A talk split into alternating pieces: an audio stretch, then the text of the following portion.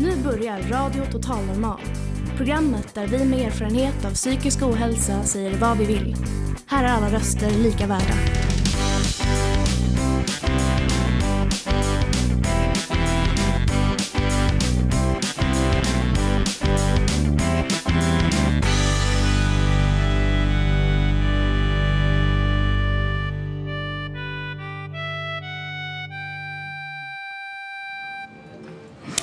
Hej och hjärtligt välkomna till Radio Total Normal, vårt Ditt psyke i etern.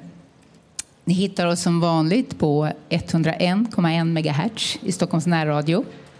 Och idag sänder vi första gången live sedan coronan bröt ut.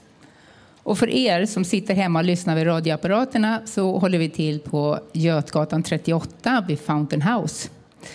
Är du i närheten så är du hjärtligt välkommen att komma ner. Oj, nej men oj!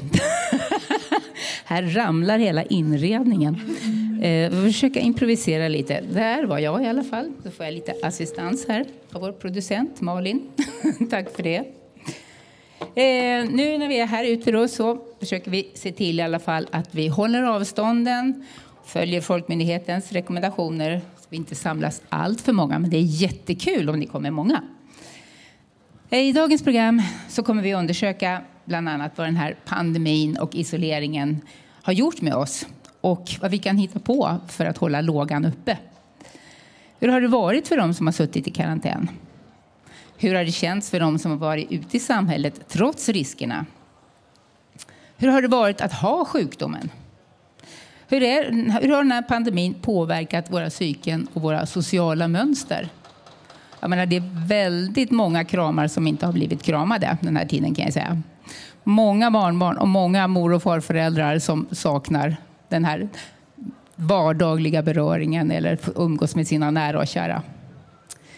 Själv började jag på jobbet, eller här på Fountain House som man säger, i måndags efter sex månader, ett helt halvår i karantän.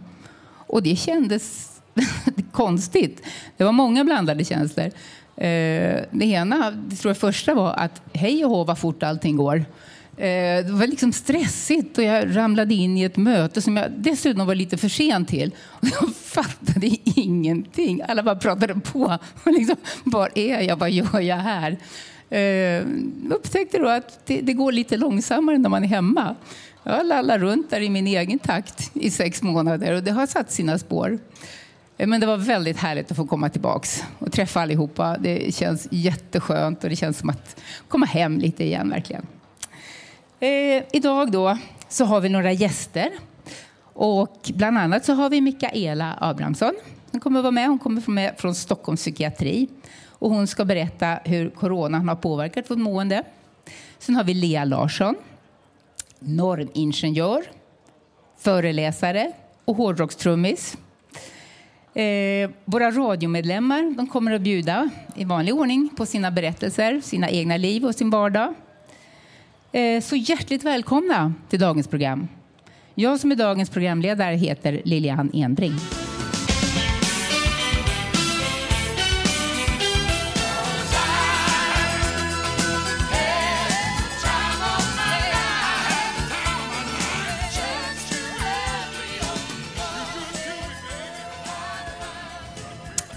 Ja, det vi hörde nu det var The Time of My Life, soundtracket till Dirty Dancing.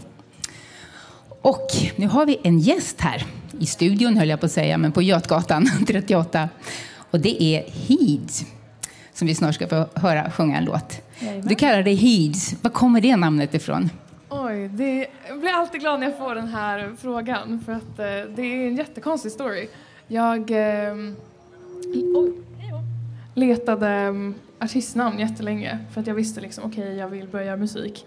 Så jag bara, vad vill jag göra? Kan jag göra någon lek på mitt eh, eh efternamn eller mitt förnamn? Jag heter liksom Anna Arnbom. Eh, och... Eh, jag ska vinkla där. Eller? I alla fall, jag kanske fortsätter prata. Det löser sig. Eh, men då så, uh, skulle min, så skulle jag träffa lite kompisar på, i, på Skinnarviksberget. Och eh, så skrev min kompis Gustav till mig eh, att vår gamla kollega Hedda var på eh, berget och ville liksom säga ah, Hedda är här förresten. Men han stavade helt fel och skrev Heeds. Och då tänkte jag, oj nu är det ett band här jag inte håller koll på. Så jag kände mig så här, gud jag måste liksom get with the times. Så jag googlade Heeds.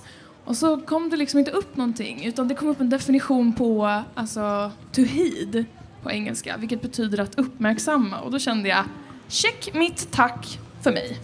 Det var det. Super, det var ju kanonbra. Du fick namnet helt ja, enkelt. Det var gratis. ja, verkligen. Ja, det var härligt. Nu ska vi uppmärksamma dig hela tiden här. Berätta lite mer om dig själv än bara det här namnet ja. som, ni, som du använder. Mm. Eh, jag är 22 år gammal, eh, född här i Stockholm och bor fortfarande kvar. Eh, jag eh, började göra musik för, på seriöst för ungefär tre år sedan nu. Eh, gick en liten proddkurs på Folkuniversitetet, kan jag rekommendera. Eh, och ehm, lärde mig producera i Logic. Och så tänkte jag, jag tänkte inte så mycket på det, jag tänkte att det var bra att kunna. Och sen med tiden så eh, alltså, fattade jag verkligen tycke för att producera också. Så då började jag producera eh, en EP. Och sen för ett år sedan nu så släppte jag den helt själv. Och eh, det har varit jättekul. Eh, att bara kunna göra allting själv. Vilken resa och vilken mm. känsla och självständighet att kunna göra Jajamän. någonting. Ja, verkligen regera. Ja. Vad är det för typ av musik som du gillar? Oj, gud. Alltså jag lyssnar ju på allt. Det är det som är så konstigt. Nej, jag gör ju ganska lugn musik, typ. Eh, lite balladig, lite folkig, ibland med lite beats. Alltså det är så blandat, men ofta ganska lugnt. Men eh, jag är väl jätteinfluerad av eh, Frank Ocean, Ben Howard, Matt Corby, Daughter, sådana personer. Men när jag skrev min första EP så lyssnade jag bara på K-pop i ett helt år. Och sen har jag lyssnat på jättemycket eh, alltså, hiphop, R&B och sånt. Alltså, det är väldigt blandat. Det var ett stort smörgåsbord som du har. Jajamän. Ja. Okej. Okay. Eh, när du skriver musik, hur, hur går du tillväga? Det är alltid olika. Ibland så har jag en text att börja med och sätter en melodi på den. Ibland har jag en melodi och sätter text på den. Ibland har jag ackord och så tänker jag det här var bra och så sätter jag text och melodi på den. Alltså det börjar alltid olika men det, kän, alltså, det börjar ofta med en idé. Mm. Alltså jag har typ en känsla som inte går att sätta fingret på utan det är bara så här, jag vill göra något typ med den här känslan. Okej. Okay. Och så ja. gör jag det. Ah, spännande. Eh, är det någonting annat du håller på med än det här med musiken? Jag har ju pluggat eh, folkhögskola i två år. Eh, projektverkstan, eh, vilket har varit jättekul. Eh, men då gjorde jag ju musik, så det är verkligen det jag gjort i ja, två år nu. Mm. Men jag ska börja plugga lite marknadsföring mm. i höst för att det känns kul. Mm. Var kan man hitta dig? Eh, jag finns på alla streamingtjänster. Spotify mest, eller den är väl, det är den alla har här i Sverige i alla fall. Och sen finns jag på Instagram, at Music. Och sen på alla sociala medier, men ja. Ja, det är bra. Då kan man lätt hitta dig bara man söker på Heeds. Jajamän. Ja. Nu ska vi få höra dig sjunga någonting, så Gud, varsågod. Tack. Det här är Don't forget about me. En låt jag släppte i eh, förra veckan faktiskt. Snart två veckor sedan.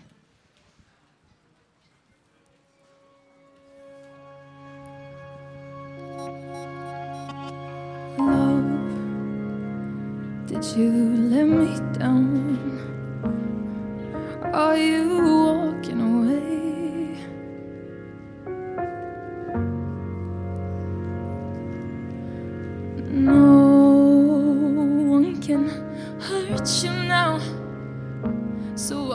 shoes still on my carpet and your hands in my hair?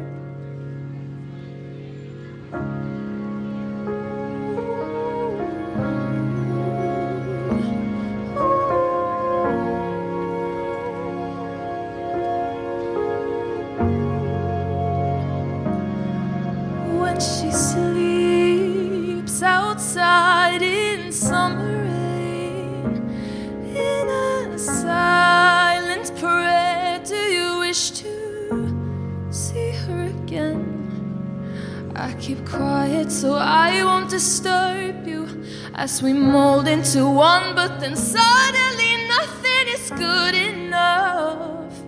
Now I'm stuck with the both of us. It doesn't matter.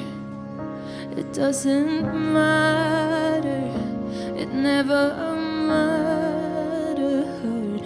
Never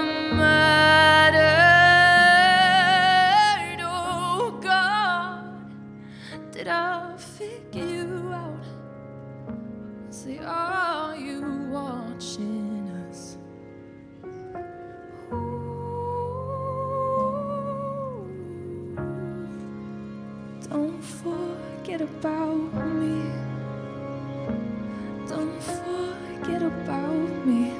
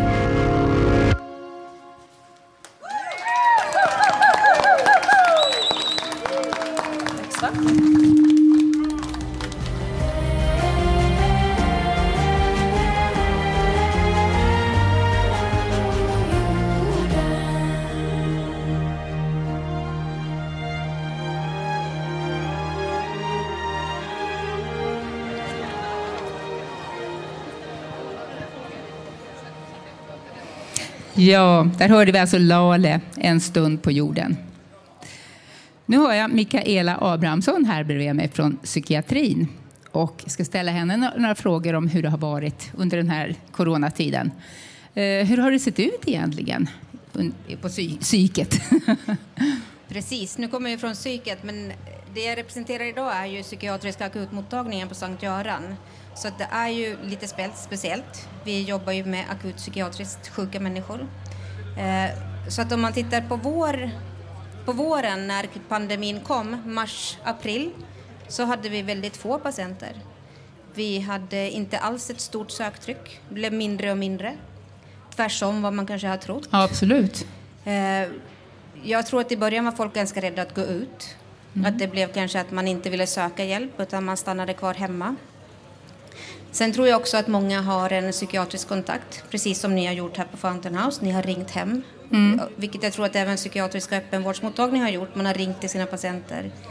Eh, hos oss på psykakuten så var det mer att de som kom in var verkligen akut sjuka och behövde akut hjälp och blev inlagda. Det var väl de som sökte mest. Men då kanske det inte egentligen var coronan som var anledningen till att de mådde dåligt utan de hade ett eh, psykiskt dåligt mående redan innan som, som helt enkelt bara blev akut under den tiden. Precis, vi har inte haft många som har sökt enbart för corona. Nej. Utan det vi pratade om tidigare är ju att lättare, om man tänker sömnstörning, ångest, oro, då är ju idag primärvården, alltså vårdcentralerna, första linjens psykiatri. Och det är dit man blir hänvisad om man ringer.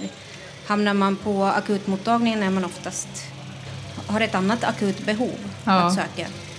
Så det egentligen skulle det vara intressant för oss att få veta vad som händer i den här första linjens psykiatri om de har haft ett högre tryck, för det är dit folk egentligen har behövt vända sig. Ja. Precis. I varje stadsdel så finns det ju mobila team eller jourverksamheter och jag tänker att de har varit mer belastade än vad vi har varit på akutmottagningen. Mm. Nu är det ju höst, nu är det augusti och vi är tillbaks till normalläge. Vi har lika många sökande som innan pandemin. Så att ändå är det att folk har blivit lite avtrubbade av pandemin, man är inte lika försiktig längre.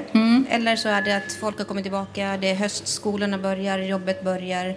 Många har gått tillbaka till jobbet, precis som du. Ja, precis. Eh, Så att just nu är vi tillbaka i ett normalläge, lika många sökande som innan pandemin. Tror du att vi kommer få någon slags andra våg nu när folk är ute? Skolorna började för en vecka sedan och, och här står vi och folk verkar vara lite mera igång så där. Man kände att det orkar inte en höst till också utan nu jobbar vi. Som ni kanske hör så är jag finlandssvensk. Så jag kan ju säga att mina föräldrar bor i Finland, där har man ju gjort det här helt annat. Ja. Där har man ju stängt ner hela landet. eh, Där man är jätterädd nu för en andra våg. Medan vi i Sverige har ju gjort annorlunda. Eh, Vi pratade ju lite om, vi som jobbar inom sjukvården, vi går ju till jobbet varje dag. Eh, Vi är här även om det är en pandemi. Och det är ju lite annorlunda än de som jobbar med annat, där man jobbar hemifrån. Så att jag vet inte. Jag tror att skolorna verkar ta sitt ansvar. Eh, Min dotter går varannan vecka digitalt varannan vecka i skolan för att det ska vara mindre folk i skolan. Så att jag tänker att någonstans så tar alla sitt ansvar. Så jag hoppas att det inte kommer någon andra våg i Sverige. Hur är det med de som har jobbat inom sjukvården, eh, inom psyket? Har de fått anstränga sig mer? Har de fått undvika... Alltså de ska ju jobba hela tiden och samtidigt så ska man vara hemma när man är sjuk och, och det där går ju liksom inte riktigt ihop. Eh, är de utbrända vid det här laget, tror du? Och då pratar vi inte bara om akut utan, utan även den här kanske första linjens psykiatri där folk har fått jobba mera för vården ska alltid rulla på. Eh, Tittar man på min akutmottagning så har vi varit ganska drabbade av sjukdom bland personalen. Eh, Och det är väl mest att man... Vi jobbar inom psykiatrin, vi vill inte jättegärna sätta på oss visir och massa skydd för vi handlar ju väldigt mycket om att prata med patienterna. Eh, Att komma ut med visir och liksom en hel det känns ju inte jättebra. Ja, jag förstår det. Så att vi har ju varit ganska oskyddade. Eh, har vi vetat om att någon har symptom, då klär vi på oss, men inte annars. Eh, idag så gör man ju väldigt mycket. Man tar temp på alla patienter, man frågar efter övre luftvägssymptom av alla patienter. Eh, vi har olika rum, vi försöker liksom inte ha dem för nära varandra och så. Men tittar man på personalen så har jag haft många sjuka. Eh, vilket förstås har drabbat de som har jobbat. Ja, För då det. har man ju fått jobba extra för att Ja. täcka de som är sjuka. Ja. Eh, och det blir också någon sån här konstig känsla att jag måste gå till jobbet varje dag. Mm. Men min sambo jobbar hemifrån varje dag. ja, Hur, liksom det handlar ju väldigt vilken karriär man har valt i livet. Mm. absolut, det gör ju det. Eh, Så vi har valt att vi chefer också på jobbet varje dag. För att vi också ska vara där varje dag så att det inte blir att jag sitter hemma och sjuksköterskorna står där. Så att eh, jag tror absolut att de som har jobbat på covidavdelningar, psykiatrin gjorde ju också ett försök med att ha covid, eh, rena covidavdelningar men det behövdes inte. Okej. Så de har vi avvecklat. Inom norra Stockholms psykiatri har vi avvecklat men eh, där var man ju väldigt beredd att jobba med masker och hela utrustningen hela tiden. För vi har haft utrustning hela tiden, vi har inte varit utan utrustning. Men eh, det blev inte så inom psykiatrin som man befarade faktiskt. Vad tror du vi är om ett år? Oj. Eh, Jag hoppas att vi om ett år har lärt oss ganska mycket av det här. Eh, Jag tror att vi alltid kommer att vara lite mer försiktiga. Jag tror att vi kommer att tvätta händerna väldigt många gånger fler än vad vi gjorde förut. Eh, Vi spritar våra ytor väldigt många gånger än förut. Men jag hoppas att vi är ett normalläge. Men jag tror att människan kommer att komma ihåg det här väldigt länge. Okej, jag får tacka dig så hemskt mycket. Tack.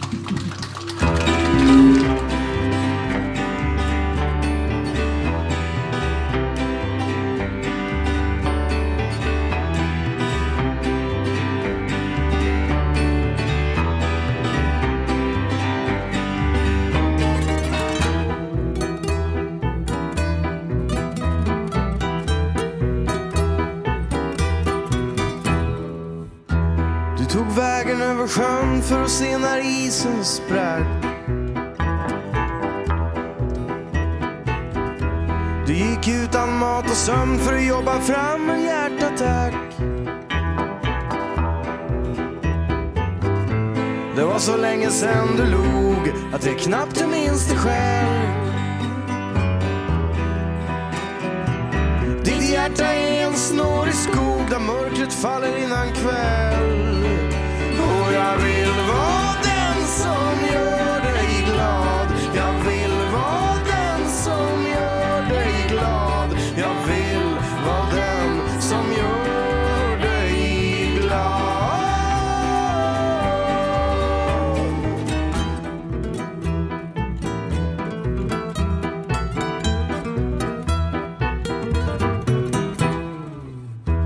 Det spelar väl ingen roll om du tappat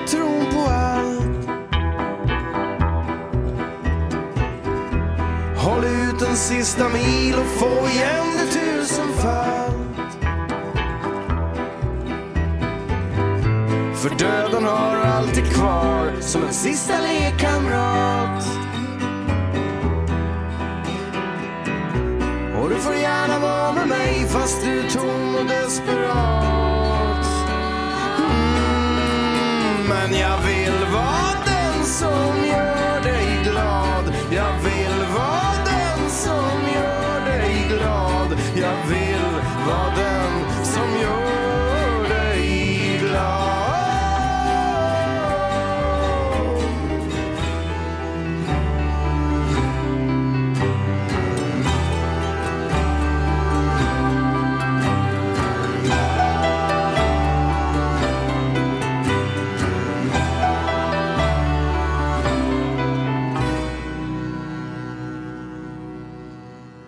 Jag vill vara den som gör dig glad. Jag vill vara den som gör dig glad. Jag vill vara den som gör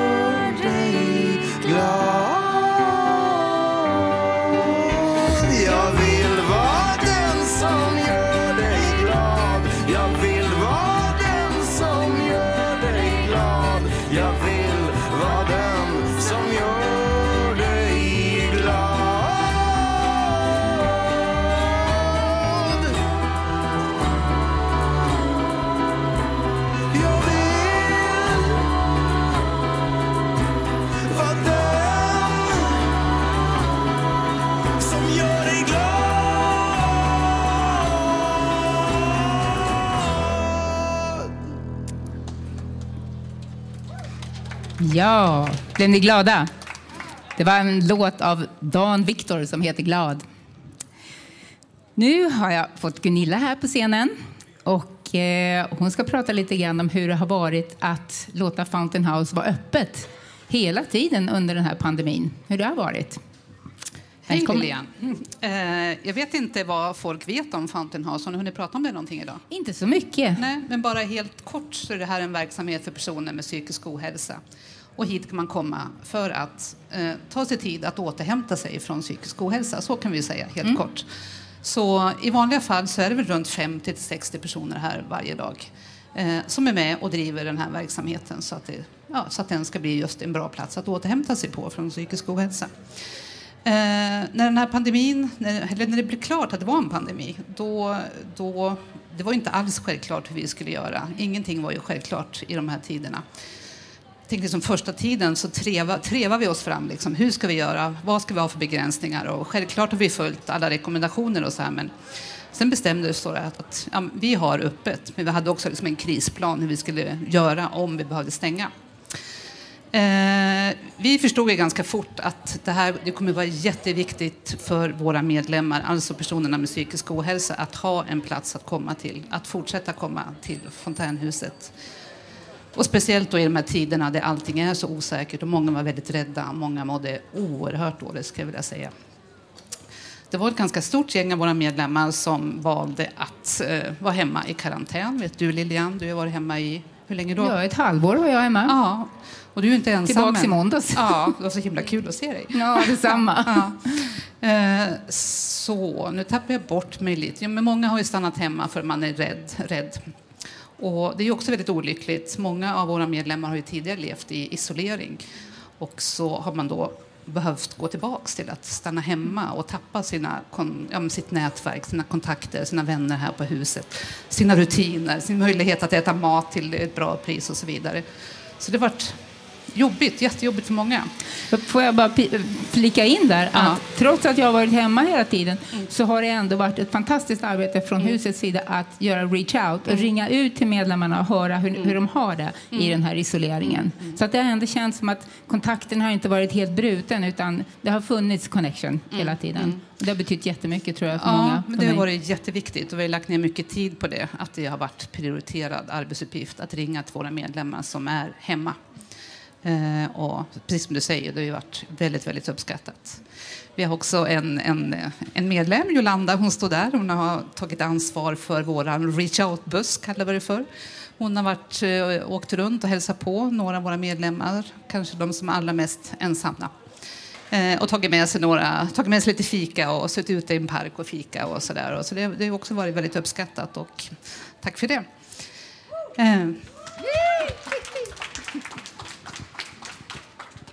Eh, ja, så vad ska jag fortsätta med? Jo, men vi har, I vanliga fall är vi 50-60. Under en period då kanske vi var 25 per dag just för att många var hemma och mådde väldigt, väldigt dåligt. Eh, men sen, det gick väl några månader och sen började nog folk komma tillbaka lite grann. Man, man klarar inte av att vara hemma längre. Eh, så då börjar man komma tillbaka. Så nu så här efter sommaren så är vi uppe i ganska många medlemmar per dag igen. Eh, det är fortfarande ja, jag vet inte om du har märkt det, men det är lite knepigt ibland att få till det. Liksom. Vi är många som ska äta, man ska hålla avstånd och så det är ett evigt påminnande. Eh, ja, hålla avstånd, allt det här du vet. Men jag tycker vi sköter det ganska bra. Det är väl någon som blir lite arg ibland, men oftast funkar det jättebra. Ja, vad ska vi säga mer Lilian? Har du någon härlig fråga åt mig? Nej, men jag tycker bara att det är helt fantastiskt att Mm. Huset Fountain House har varit öppet hela tiden och att ni har kunnat lösa det på olika sätt och varit kreativa. Mm. Jag vet själv, eftersom jag har varit här många år, så, så vet jag ju vilket kreativt ställe det här är. Att Mm. Det är nästan ingenting som är omöjligt. Allting går, bara vi hittar lösningen. Mm. Och det tycker jag att vi är fantastiska på. I alla fall. Så det är en Och, eh, riktig eloge ja, till. Ja. Att Om, det kanske du sa i början, med många, ja, många verksamheter för personer med psykisk ohälsa i Stockholms stad har valt att stänga. Eh, och, ja, jag kan ju förstå det, men det har inte varit så lyckosamt för de personerna. Nej, tror jag. verkligen inte. Nej. Så Styrka. heja oss på Fountain House Ja. helt enkelt. Tack. Tack. Ja. Ja, mm. men kul att se dig igen. Samma. Och du är grym programledare Lilian. Tack Gunilla. Okej, nu tar vi en låt på det här. Tack.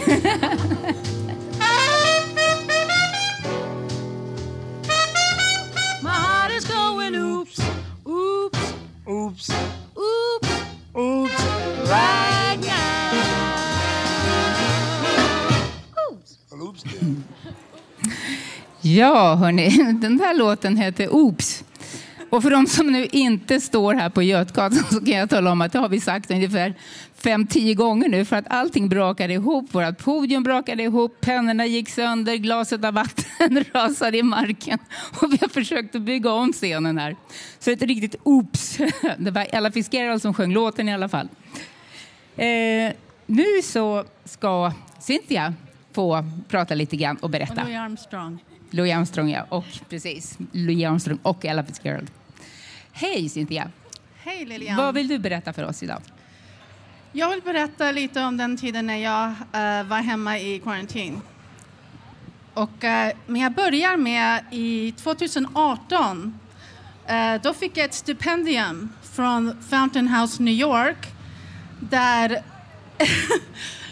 där jag fick resa dit och lära mig att jobba med konst och uh, vi lärde oss om konst och skapande. Det är en stor bild här.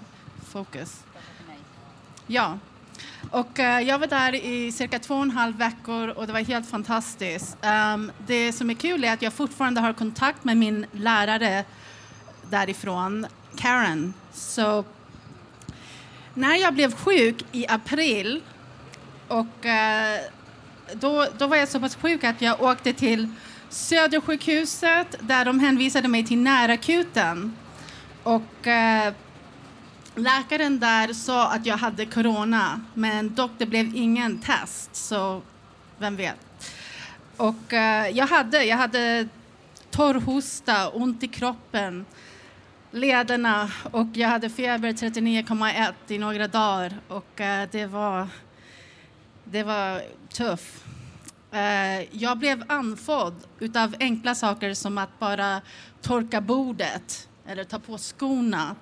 Eh, jag fortfarande har lite av det där kvar. Så, och, eh, ja, det värsta av de symptomen var huvudvärken. Jag, fick, jag har haft migrän förut och det där var som en dans på rosor nästan jämfört. Därför jag, jag verkligen trodde inte att jag skulle kunna överleva de här huvudvärken. Det, det var horribla.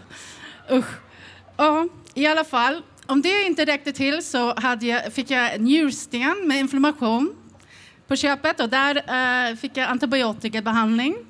Sen kom en, um, en tand som blev inflammerad där jag fick en uh, penicillinkur.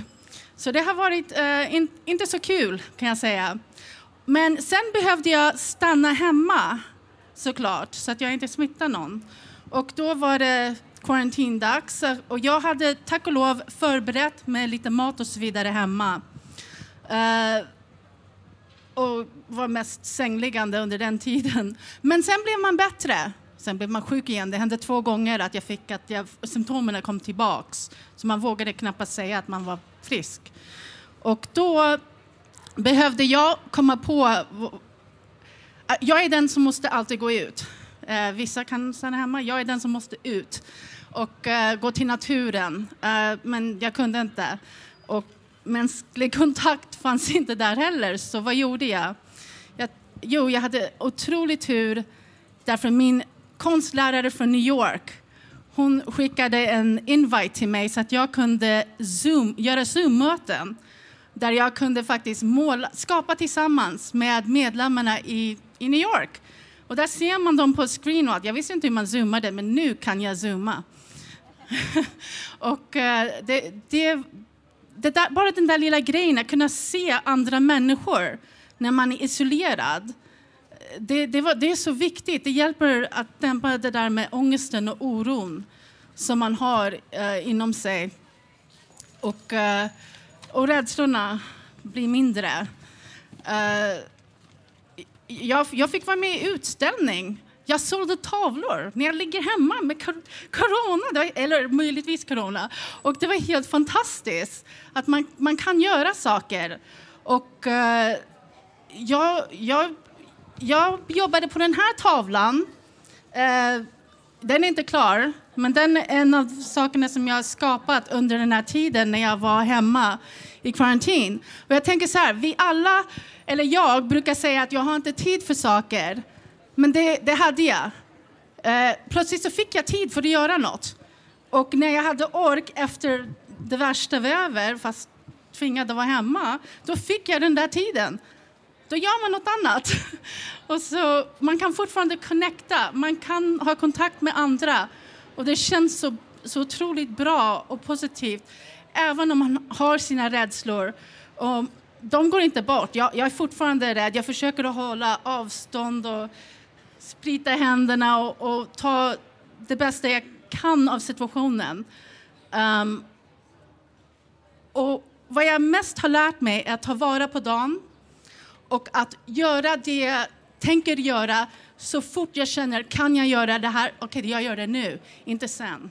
Så det, det, är det viktigaste jag har lärt mig, att verkligen varje moment och, och boxa in det och se till att, ja, fantastiskt, ny dag idag mår jag bra, yay! Man blir jätteglad. Så um, verkligen, this too shall pass brukar jag säga på engelska. This too shall pass. Det såg jag väldigt mycket när jag låg i den där sängen. Men lycka till att hitta. Fråga er själva, vad kan jag göra om ni råkar vara hemma och måste vara under quarantine? Vad kan jag göra? Finns det Zoom-möten där ute för mig kanske? Vem kan jag kontakta? Då, det är jättebra att kunna komma till Fountain House när man är frisk igen.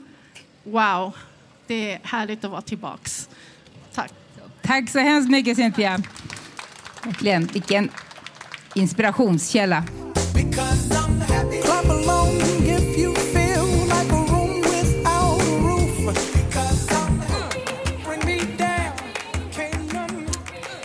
Ja, så här när vi fejdar ut Pharrell Williams sång Happy så har vi fått en gäst här på scenen som heter Lea Larsson. Hejsan hejsan. Ja, hej på dig! Och jag har fått höra att du är normingenjör, du är hårdrockstrummis och föreläsare. Det stämmer bra det. Ja, vi vill veta lite mer om dig.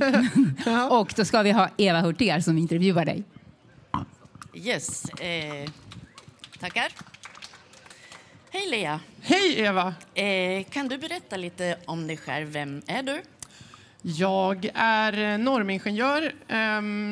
Jag är trummis och frilansande ljudtekniker, föreläsare och så. Och jag pratar väldigt mycket om, eh, jobbar jobba med normer, jämställdhetsfrågor och eh, transfrågor, eller genusfrågor i allmänhet pratar jag om väldigt mycket.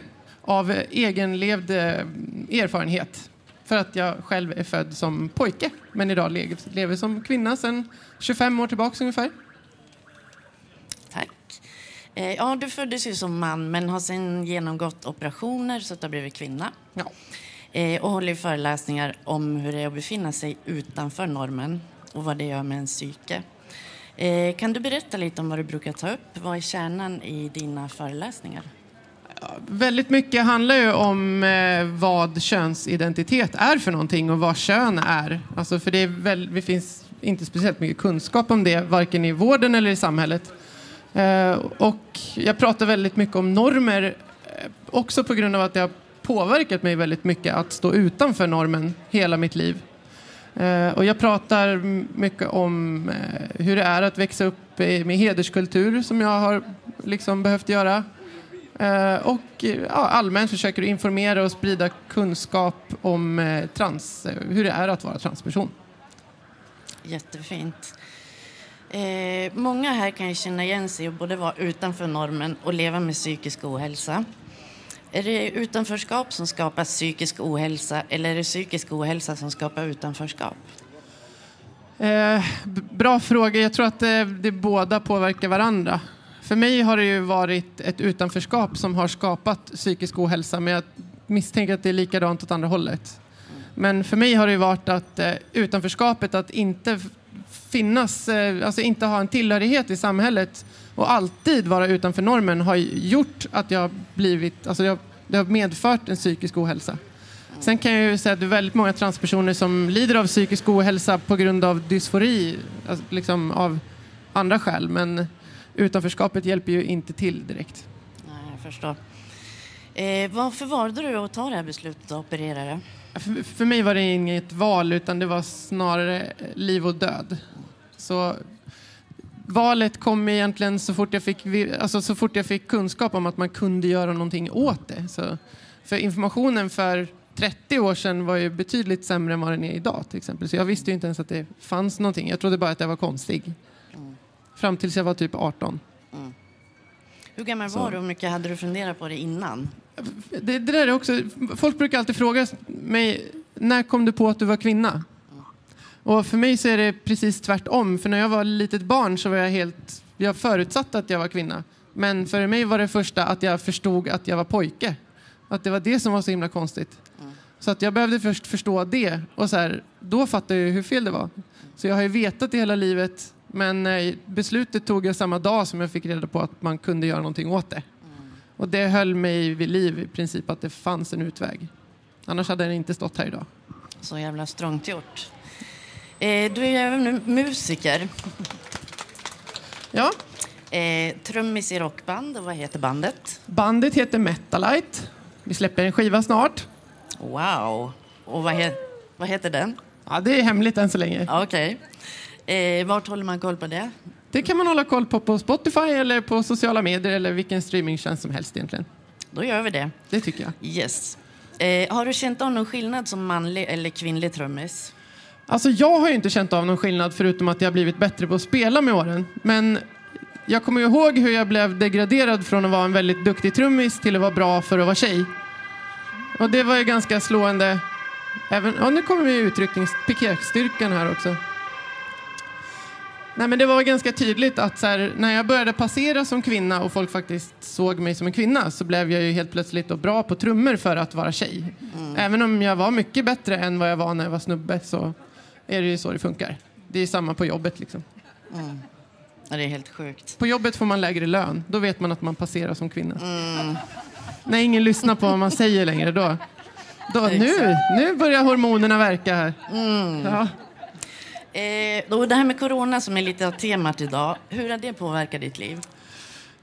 Alla mina jobb, som jag, eller alla mina yrken jag utövar är ju oftast inför folk. Eller om jag är ljudtekniker eller står på scen och spelar eller föreläser eller något så är det ju framför folk. Så att alla mina uppdrag försvann över ett par nätter egentligen.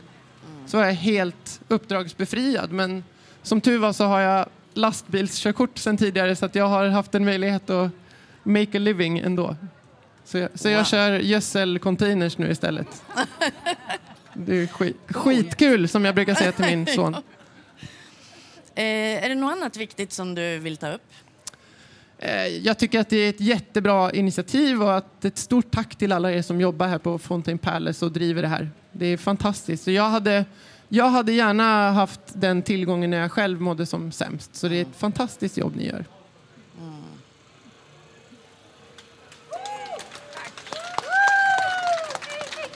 Tack så jättemycket Lea att du vill komma hit. Tack själv. En av mina drömfavoritgäster.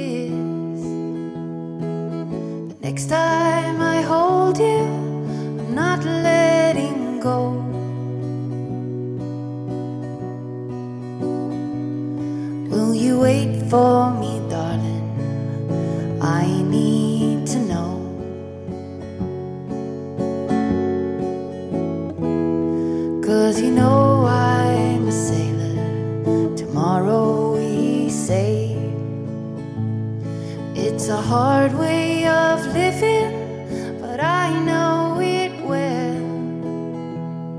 And if I surrender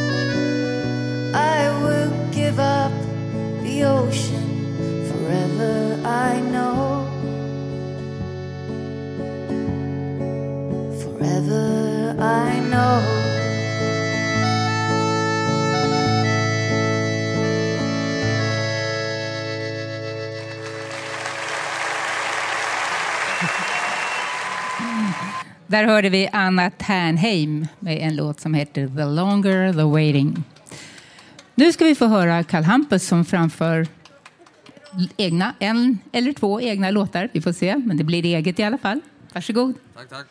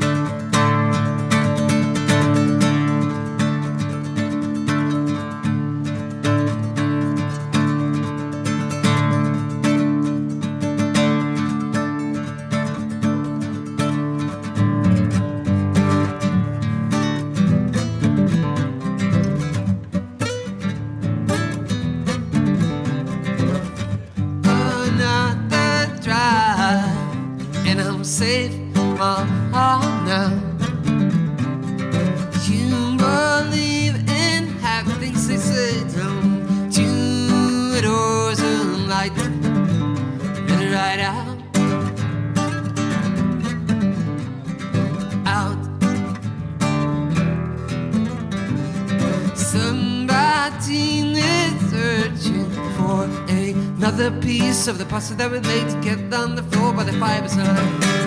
What are your voice right now,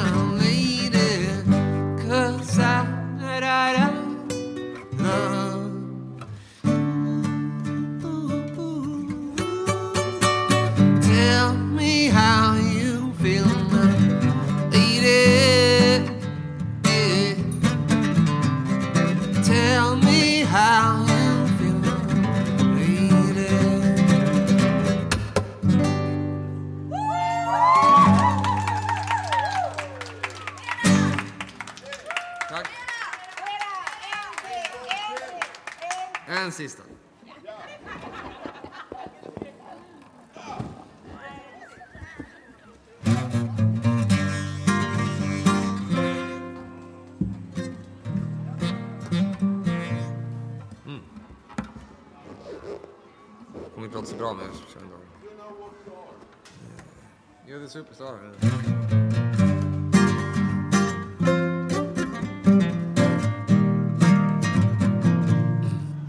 Sippar på min drank You're like to thank Spinner fat soft dish I min kunde shh Alltid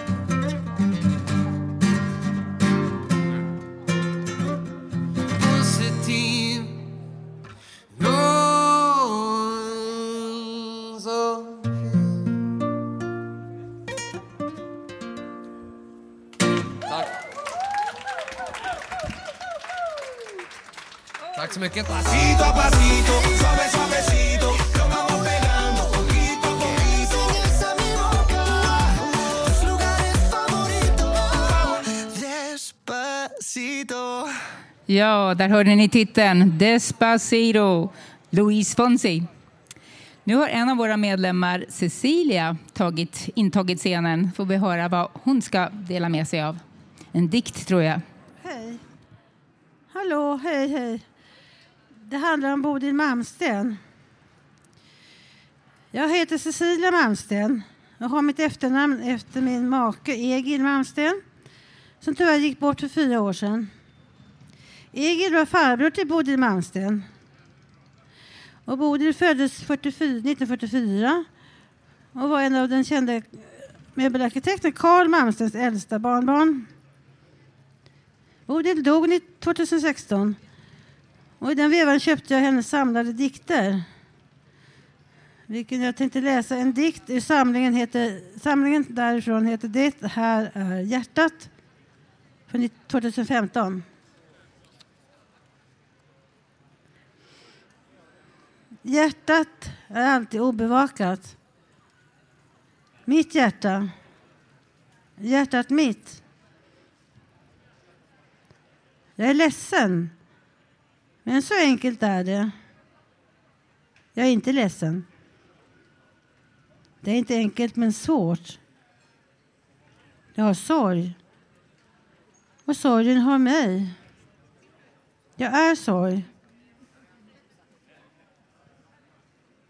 Ett svart flor över en byggnadsställning.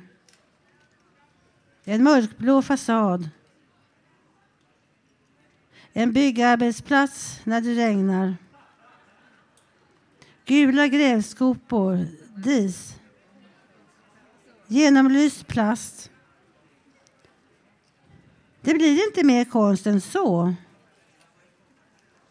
Går inte att spärra in på museerna. Synd bara att jag inte kan se genom den här järnridån av sorg.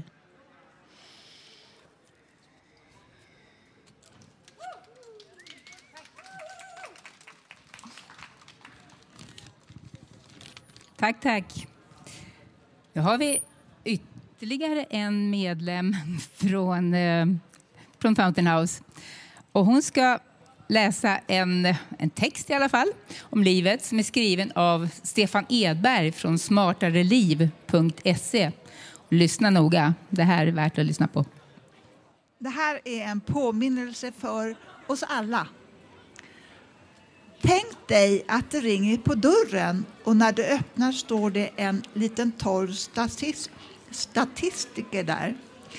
Du hälsar men han svarar inte. Istället rotar han fram ett papper från sin väska, harklar sig och börjar läsa högt. Du får 30 000 dagar i livet om du har tur. Sen är du död, borta, nergrävd. Och du sitter i soffan och flippar med fjärrkontrollen varje kväll utan att hitta någonting du verkligen vill se. Allvarligt talat, vad är det med dig egentligen? Den genomsnittliga människan tillbringar 14 år av sitt liv sittande i en soffa. Ja, jag har kollat. Om du, om du tjänar mer än 200 000 om året så är du rikast i världen. 99 procent av världens befolkning tjänar mindre än du. Du är redan rik, så vad, vad väntar du på? Över en miljon svenskar vantrivs på jobbet enligt en undersökning som Arbetslivsinstitutet gjort. Det är mer än var tredje fast anställd. Är du en av dem? Varför då? Varje år går ungefär 36 500 svenskar in i väggen och slutar på jobbet. 100 om dagen. Och så har vi det här apropå spel. Sannolikheten för att få sju rätt på Lotto är en på 6 724 520. Det är som att fylla ungefär 16 fotbollsplaner med dricksglas där 6 724 519 glas innehåller urin och ett glas innehåller äppeljuice. Hur hittar du glasen med äppeljuice? Sannolikheten för att vinna en miljon eller mer på Triss är en på 55 556. Det är som att ställa upp hela Gotlands befolkning på rad och stoppa ett kuvert med en miljon i fickan på en av dem. Ditt jobb är att hitta rätt person. Sannolikheten att vinna mer än 100 kronor på Triss är en på 667. Det är som att köpa en lott varje dag i sitt liv och kanske vinna 100 kronor vartannat år. Så varför ska man spela? Mannen knastrar med pappret, lyfter på hatten och tackar för sig och du står där som ett fån. Vad han egentligen säger är att vi ska ta över ansvaret för våra liv och göra något fantastiskt av dem. Kämpa lite mer och bli allt vad vi kan. Sluta lita på turen och få ändan ur vagnen och att göra det nu.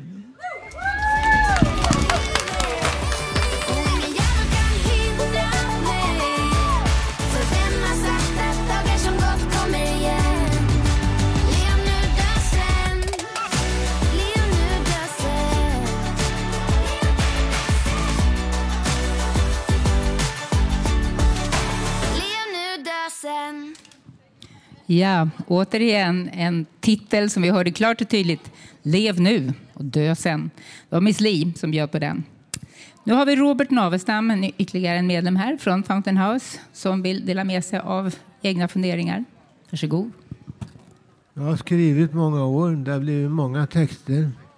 Tusentals troligtvis. Jag har inte räknat. Det här är en av dem. Christer tänker här. Det var bättre tider förr i världen.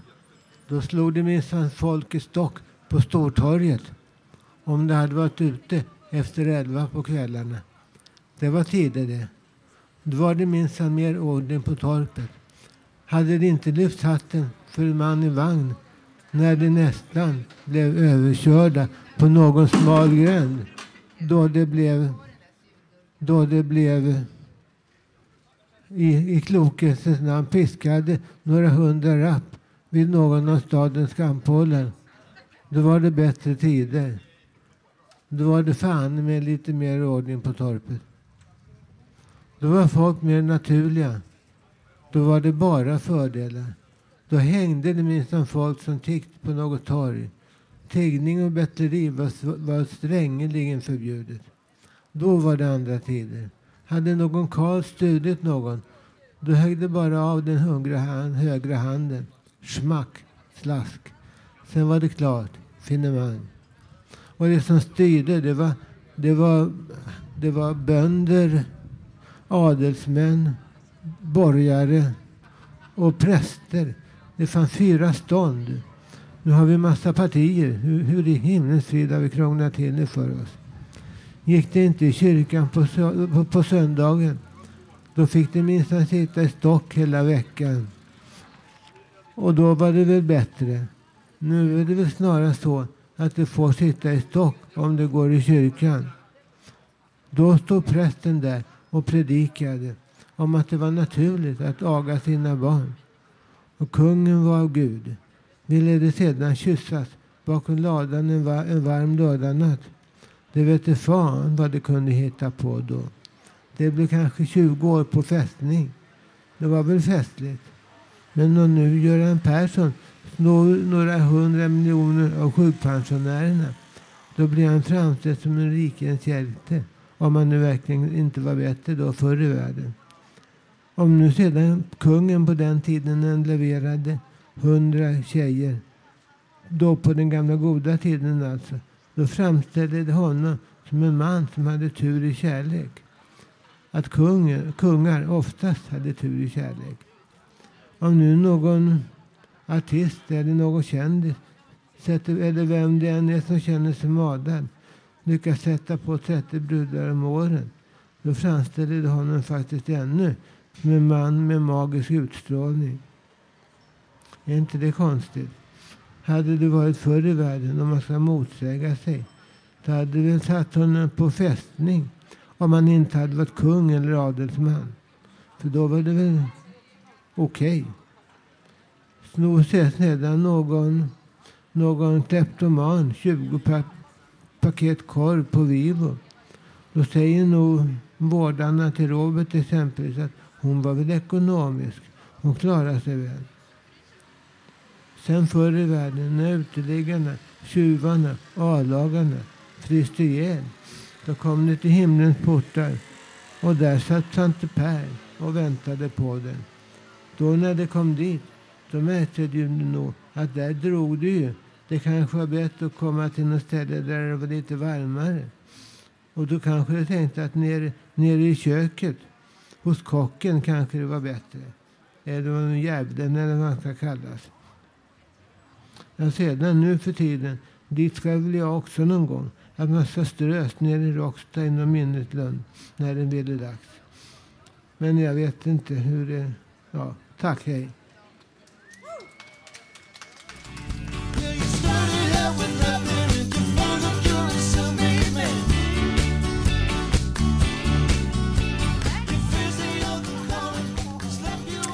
Ja, där hörde vi Steelers Wheel med Stuck in the middle of you. Nu ska eh, Ann-Sofie Hedar läsa en dikt som hon har skrivit själv. Vi är ett glatt gäng som samlas till sinnesrogudstjänst i Årsta kyrksal på onsdagarna. Vi har en gemenskap ihop och trivs. Den värme, gemenskap och kärlek vi känner är så stark. Vi vill dela med oss av den. Som ringar på vattnet sprider vi den bland våra medmänniskor. Vi känner sån tacksamhet inför livet. Vardag är betydelsefull. Till och med vardagen innebär ett litet äventyr. Det är alltid något roligt som inträffar. När det känns tungt söker vi hjälp hos Gud som hör oss, lyssnar till oss och vi finner en tröst på vägen. Ja, det var det hela. Tackar. Och nu ska vi få höra Stefan Persson som kör en egen låt här. Varsågod. Jag måste bara lyssna lite hur ljudet låter här. Ett, Stefan Persson, hej hej. Jag ska bara lyssna på ljudet här. Gitarr och sång. Ett, två. Får vi? Ja, just det. Och är det balans, bra balans mellan sången och, och, och gitarren så att sången hörs tydligt och bra? Det låter bra. Man hör sången så den inte drunknar i, i, i ljud. Nej, ljudet. Ja, tack. Okej. Okej, ja, då är det dags då. Ja, då är det min tur. Ja. De sa det i alla fall. Jag vet inte. Ja.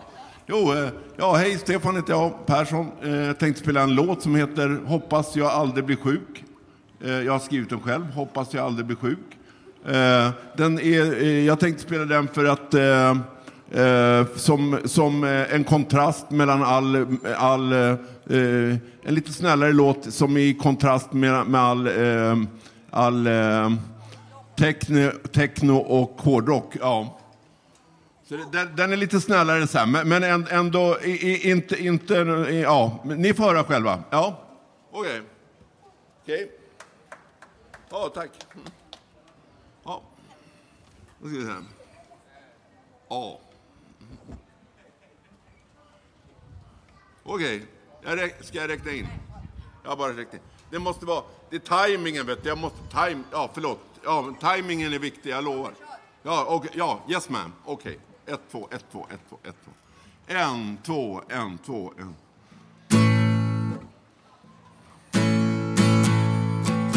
Hoppas jag aldrig blir sjuk.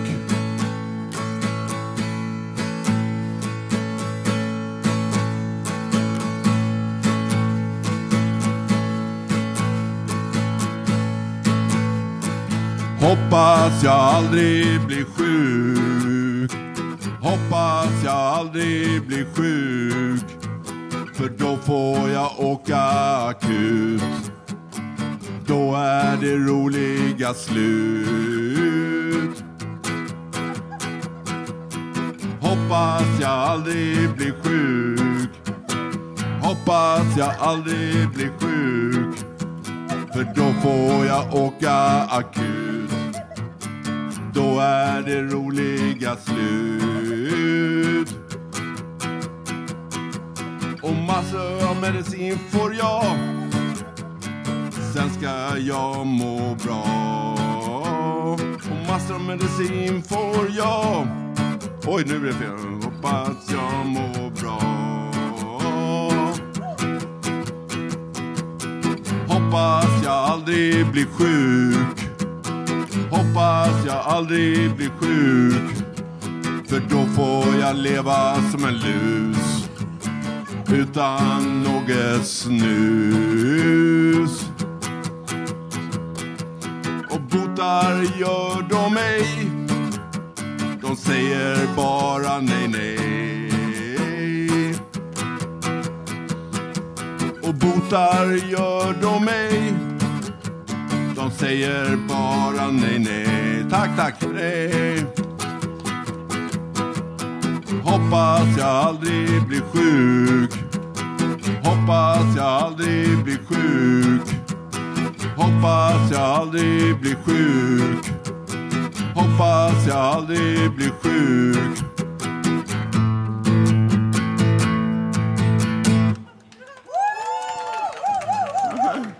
Tack, tack, tack. Hoppas jag aldrig blir sjuk. Ja. Tack Stefan. Det var inte meningen att, man skulle, att eh, den skulle vara rolig, att man skulle... Alltså, men, men ja, ja, förlåt. Ja, okej, hej då. Ja, hej. Fan, anamma allt- alla grejer. ja. Mikrofoner och allt jävla skit. Jävla amerikanska skit. Ja, hörni. Så, det där var allt vi hade att bjuda på idag. Nästa livesändning kommer att bli den 10 september. Och vill du vara med i programmet så kan du höra av dig till malin at radiototalnormal.se. Du kan också lyssna på oss via www.radiototalnormal.se eller på Soundcloud och iTunes. Du kan hitta oss på både Facebook, Twitter och Instagram. Radio Total Normal drivs av föreningen Fanzingo med stöd av Fountain House Stockholm och ABF. Och tekniker idag har varit Johan Hörnqvist. Producent Malin Jakobsson. Hjälpproducent Emma Lundenmark. Och jag som har varit dagens programledare heter Lilian Enbring. Ha det gott allihopa! Stay safe!